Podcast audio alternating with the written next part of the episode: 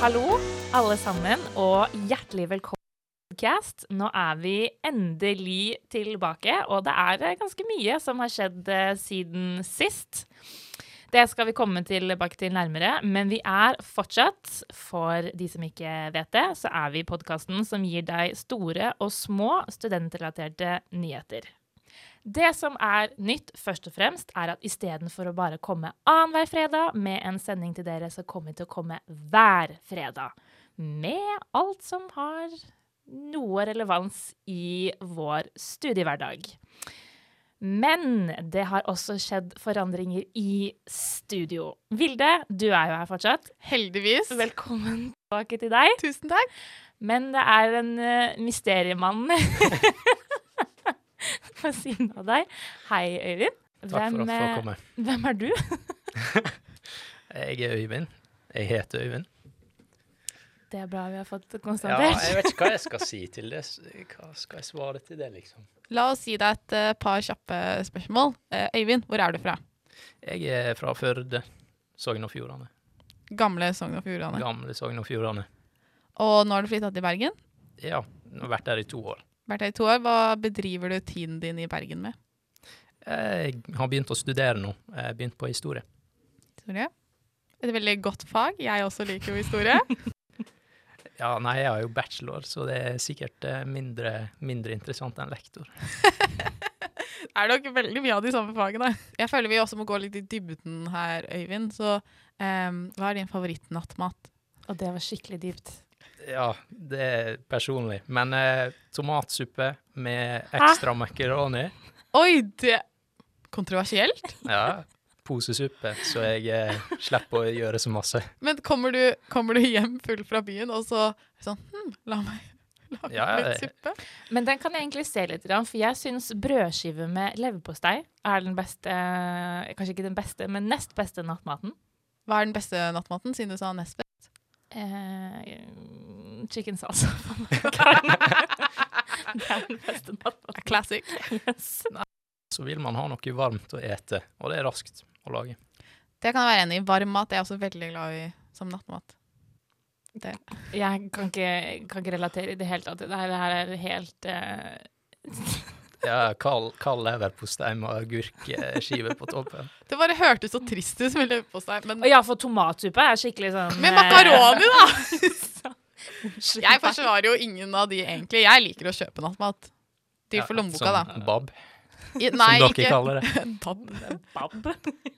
Men kanskje vi skal gå litt vekk fra uh, nattmat. Hva er uh, din drømmejobb? Kanskje bare droppe sånne spørsmål på meg. Det har man bestemt seg ennå. Men eh, hvis man går på historie, så er det jo eh, det er heldigvis noe der man kan jobbe med, jobbe med Historie er jo interessen min, så kanskje, kanskje en kjedelig museumsperson jeg kan eh, geleide folk rundt og fortelle dem informasjon som går inn det ene øret og ut det andre. Altså, det høres ut som drømmejobben. Virkelig. Det er eh, bra du har store ambisjoner, Øyvind. Hva er det som er favorittemaet ditt innenfor historie?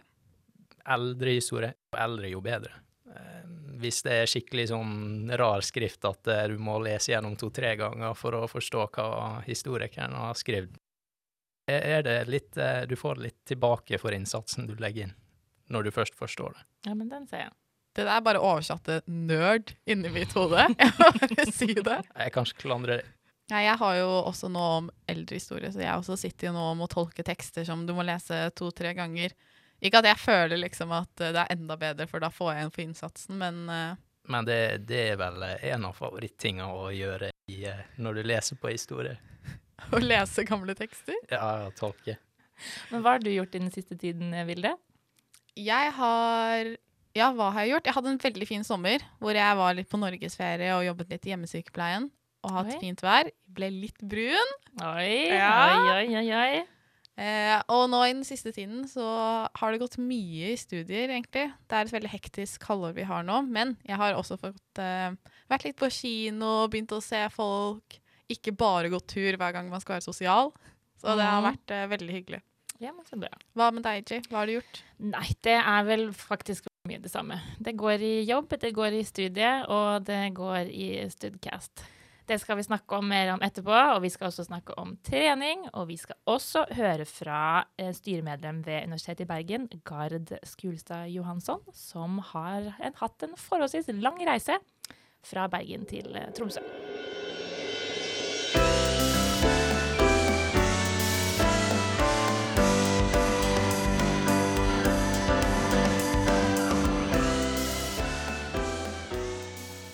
Vi slipper altså ikke unna å prate om eh, dette som vi kan litt for godt nå, altså korona. Men nå har vi jo for en gangs skyld litt gladnyheter, sånn ordentlige gladnyheter om eh, korona. fordi nå har jo Folkehelseinstituttet sagt at vi kan sammenligne koronaviruset med influensa.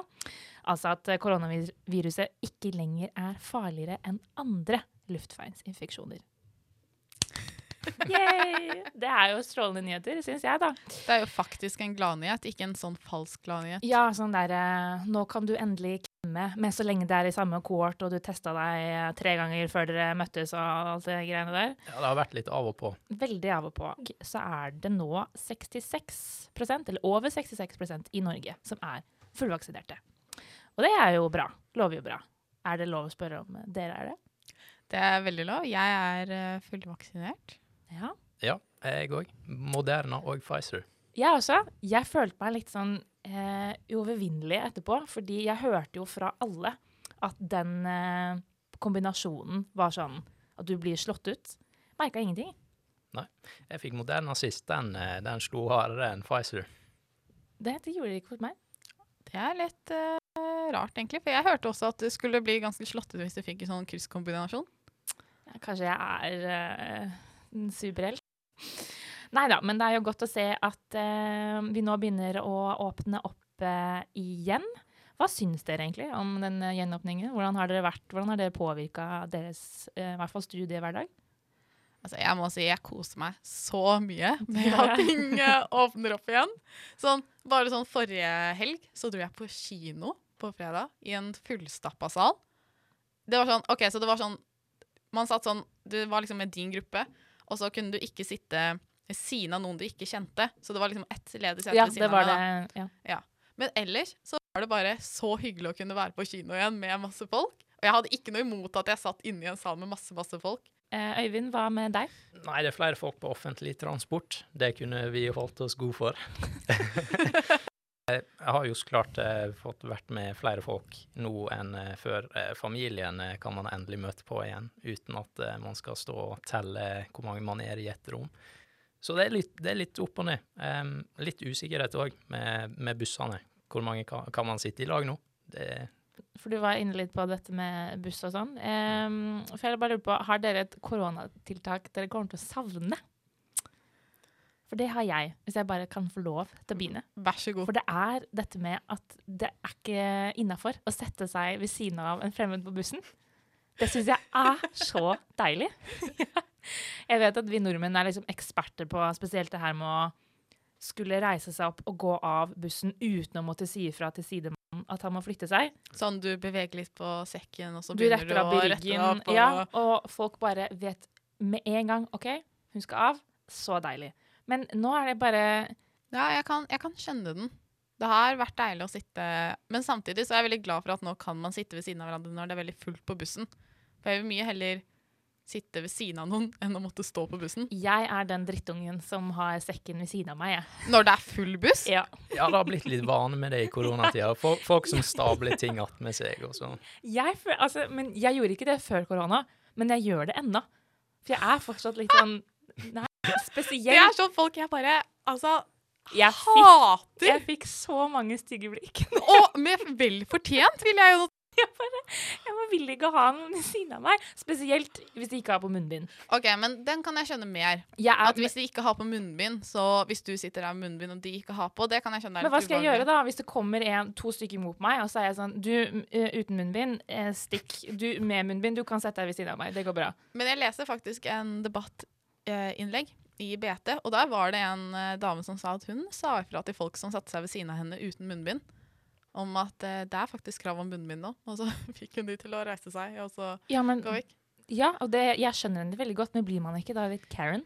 Eh, Det, Før korona òg, så har man jo vært borti folk som eh, legger seg i andre sin business, og jeg tror det har vært litt igjen fra det at når folk ber deg om å ha på munnbind, det er litt for å gi beskjed. Så om, om du skal si til de som kommer bort til deg, ta på et munnbind, eller så får ikke du sitte her, da, da får du stygge blikk. Ja, ja, jeg kan jo kanskje skjønne det. Men jeg, skal, jeg satt ikke veldig sånn stolt med sekken din i siden. Jeg gjorde ikke det, altså. Men Du satt eh, sånn litt sånn krympa ned. litt sånn altså, så- ja. sorry, men eh, ja. Men jeg kan bare Nå bare hopper jeg rett fra buss til et annet eh, tiltak som jeg kommer til å savne. Mm. Det er at hvis du er syk, så skal du være hjemme. For jeg bare husker fra videregående at det var så mange syke konstant på skolen min. Og det, jeg bare likte det ikke, for jeg ble syk, og andre ble syke. Og det var liksom Vi ble aldri kvitt sykdom på skolen fordi folk hele tida kom og var syke. Det er ikke like stor sjanse for å bli syk når du drar i offentligheten, sånn egentlig. Det er sant. Det er jo litt sånn skrytemoment. eh, Det brukte å være det eh, miljøet at du skulle eh, på skolen eller på jobb, selv om du var snufsen eller hadde feber, og det har jo gått helt vekk nå. Ja, det er sant. Ja, for det, ja, jeg er enig. Det var sånn skryteelement. Ja, se, ja, jeg møtte opp i dag selv om jeg har feber. Mm. Og nå er det sånn hold deg hjemme. Ja, jo da, jeg ser den. Men uh, samtidig så er jeg litt sånn jeg kommer, det, jeg kommer ikke til å savne det der med at du er litt snufsen og begynner å bli litt sånn småforkjøla. Noe man blir. Det er jo helt naturlig. Men jeg savner, kommer til å savne å ikke få den der eh, panikken. Sånn «Åh, Jeg var på jobb i går, i dag er jeg litt dårlig. Tenk hvis jeg fikk, hadde korona i går og fikk Altså den der tankegangen ja. der, den er jeg veldig glad for at uh, vi snart kan eh, kysse farvel. Og, Og, og eh, faktisk kysse, fordi nå er kysse fremmede på bussen. Men har dere fått noen vaner eh, sånn før gjenåpningen som dere kommer til å fortsette med? Det har blitt veldig sånn håndvask og Ja. eh, spriting av hendene. Mm. Det har nå sikkert de alle. Men eh, man, man har blitt litt sånn som de som var på TV. Jeg husker jeg så programmer før om folk som var hysteriske med å vaske hendene hver gang de hadde vært ute. det er også, Jeg er egentlig ganske fan av den vanen, så det, det skal jeg i hvert fall fortsette med. Å vaske meg på hendene hver gang jeg kommer hjem og sånt. Jeg har hatt litt sånn, ikke hele tiden, så jeg vet ikke om jeg kan kalle det en vane. Men jeg har i hvert fall, eh, det har blitt ganske ofte at jeg tar, drar enda tidligere enn jeg pleier. Fordi jeg liker å se OK, denne bussen, denne bybanen, var for full. Jeg venter til neste. Oi, OK. Det har jeg aldri giddet før korona. Spesielt ikke i den regnbyen her. Jeg står ikke i regn og venter lenger enn jeg må. Men eh, det har jeg egentlig hatt en litt sånn Jeg venter. Nå drar jeg midt i rushen, jeg. og så setter jeg meg ved siden av en uten munnbind. Du lever farlig, Vilde. Det må Ja, jeg si. ja. Jeg har en eh, litt rar vane med at eh, jeg eh, jubler alltid litt i meg når jeg ser stoppskiltet lyse før stoppet mitt. Noen andre har tatt, tatt på seg å trykke på knappen, så jeg slipper å gjøre det. Men Oh my den, God, det kan jeg faktisk relatere til.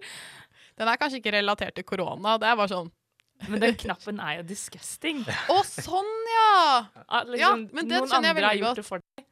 Nå, nå hang jeg med. Det var Der falt jeg ut, faktisk.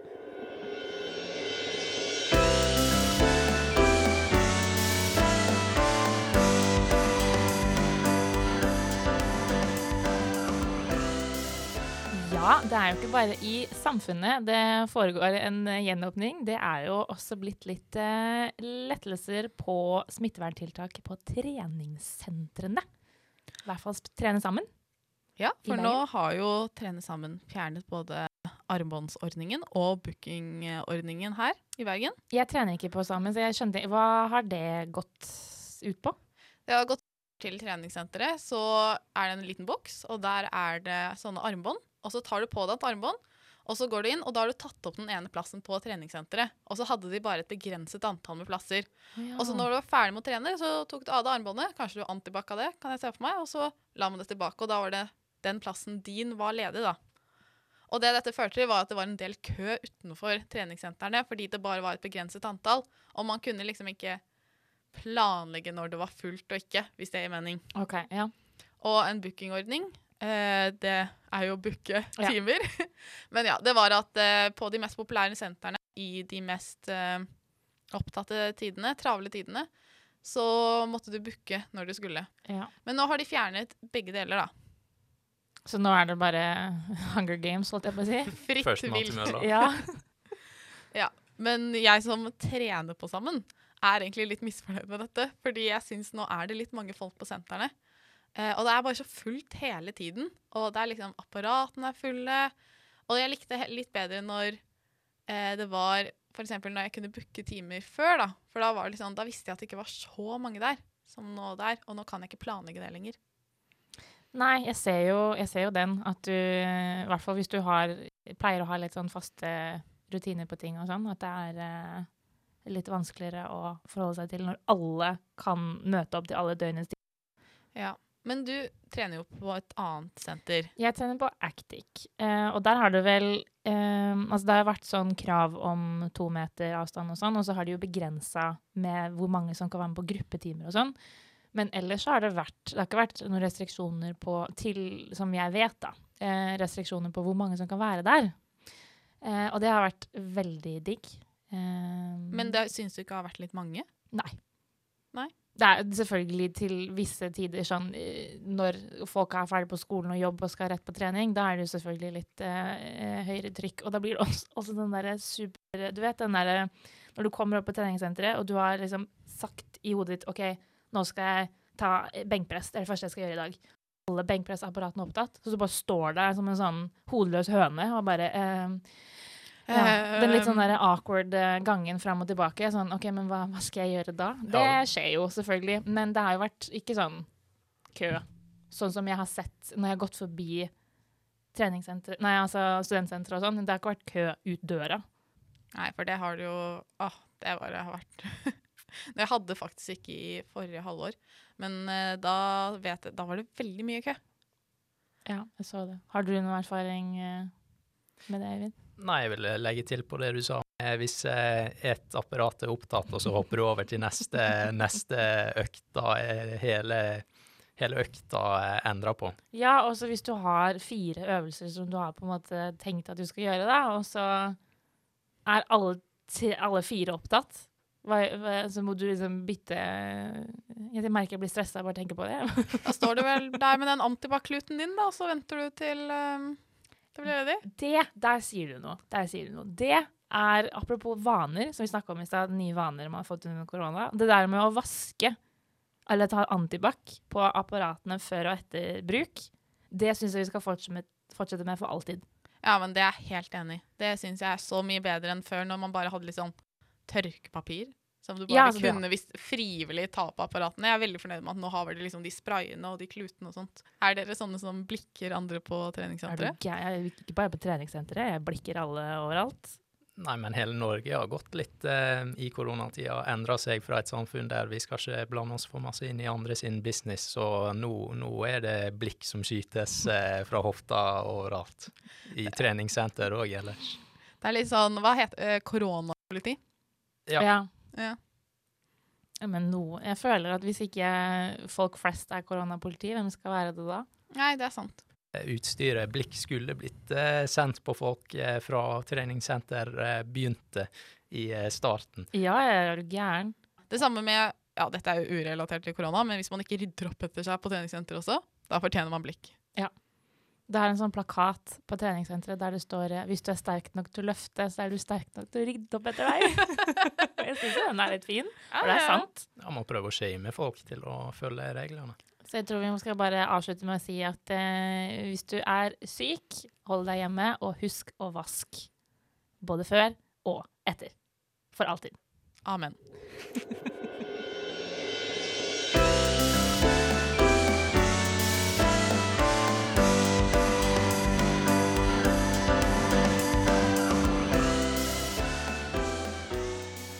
Det har vært veldig mye snakk om klima den siste tiden, og hvordan man skal bli mer miljøvennlig. Men det er kanskje noen som tar det et steg lenger enn andre. En av dem det er Gard Skulstad Johansson, som skal reise fra Bergen til Tromsø. Kun med tog og buss.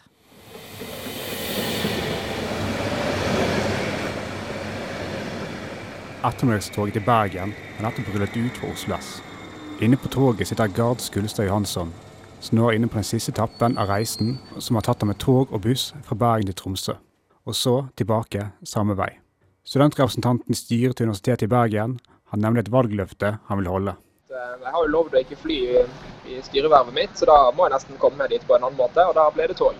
Og litt buss, da. Det sto òg i valgprogrammet vårt i 2020. Eh, og så tror jeg eh, jeg tror det falt ut, men jeg har fremdeles lov det. Når jeg begynte på torsdag, da tok jeg ettermiddagstoget til, eh, til, Oslo. Det var egentlig mest for å kunne si hei til kompiser og sånn, for jeg dro ikke videre før eh, fredag ettermiddag.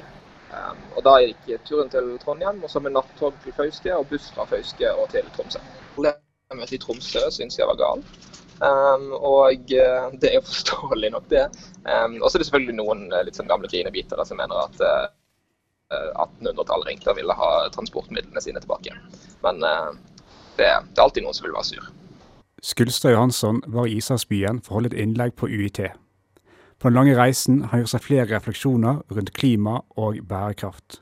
Nei, altså For det første så mener jeg jo at uh, vi bør bli flinkere til å bruke tog.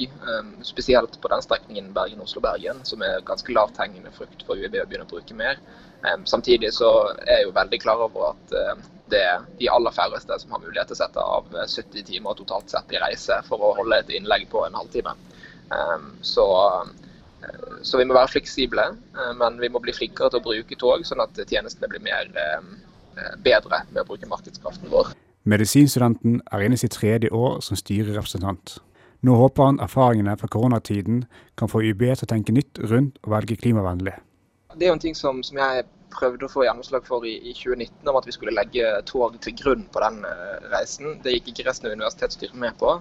Um, men jeg tenker at nå når vi har vært gjennom denne pandemien og vi har lært at mange møter kan bli digitale, um, så kan vi prøve å gjøre de reisene som vi faktisk må gjennomføre, de kan vi prøve å gjøre til uh, mer klimavennlige alternativer enn fly.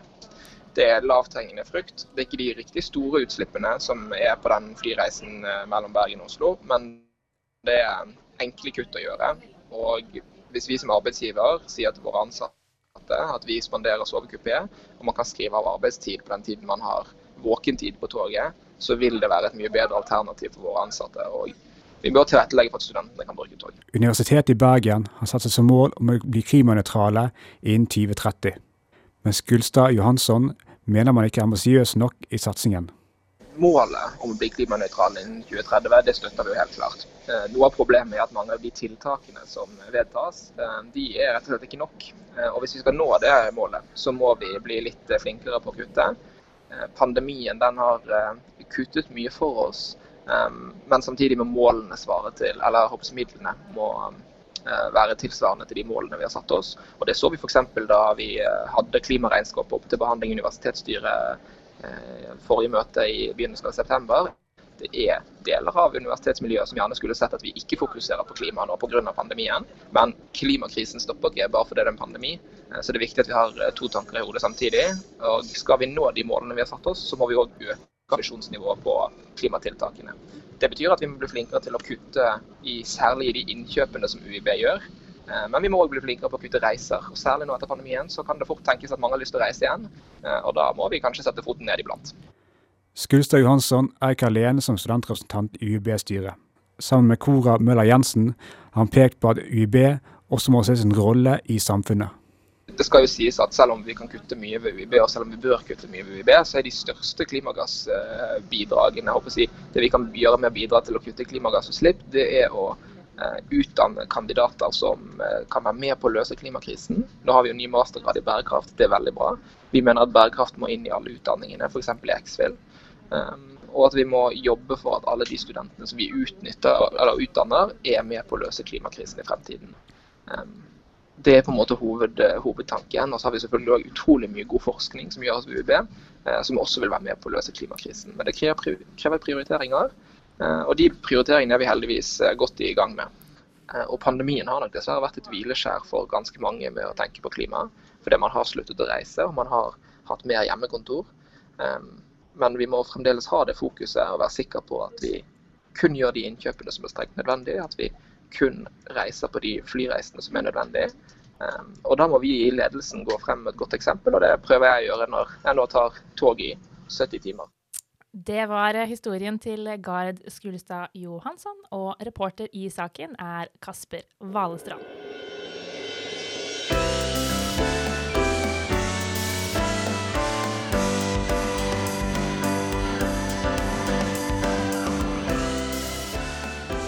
Da har vi kommet til eh, kanskje det som er min favorittdel med denne podkasten, som er vår faste spalte. Og eh, selv om jeg er et eh, vanedyr, så har jeg ikke klart å lande på nøyaktig hva vi skal ha. Så da har vi startet med et nytt konsept, som vi foreløpig Det er litt sånn eh, startfase her, vil jeg si, men vi har foreløpig kalt den Ukens jodel.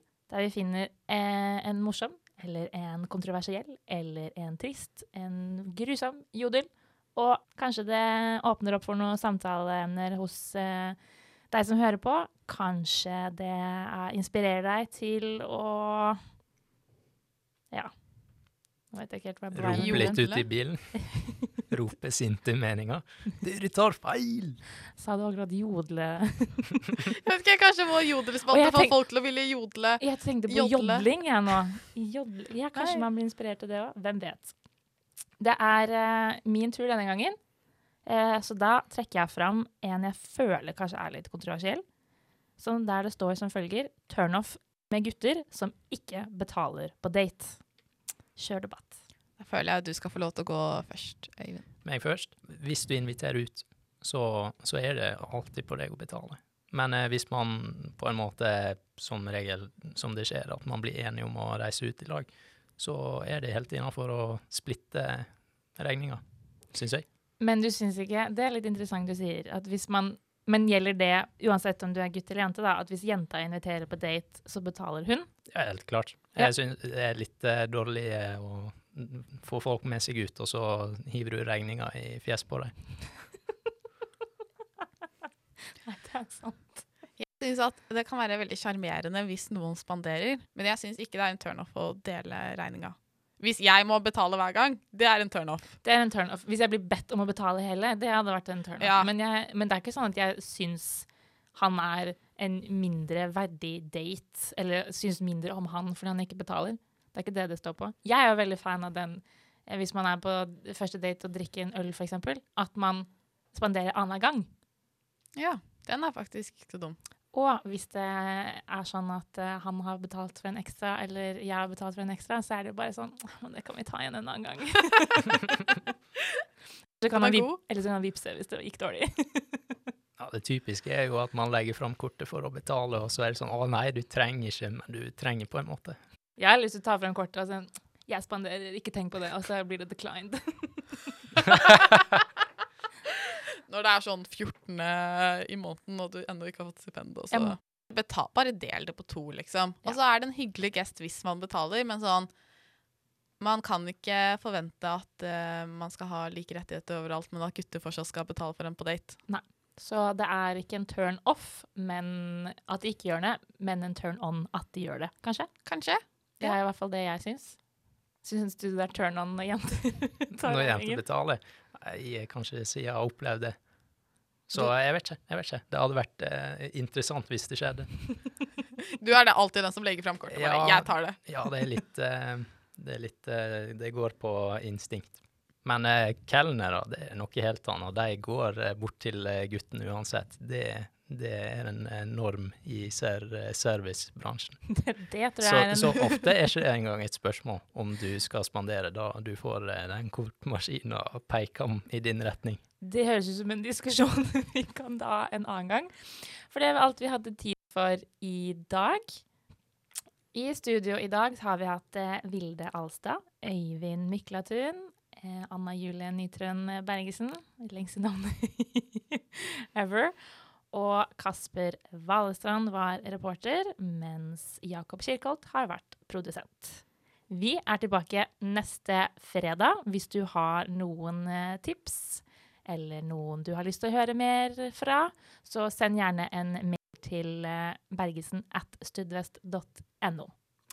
Og som vanlig, vi ses ikke, vi snakkes. Ha det bra!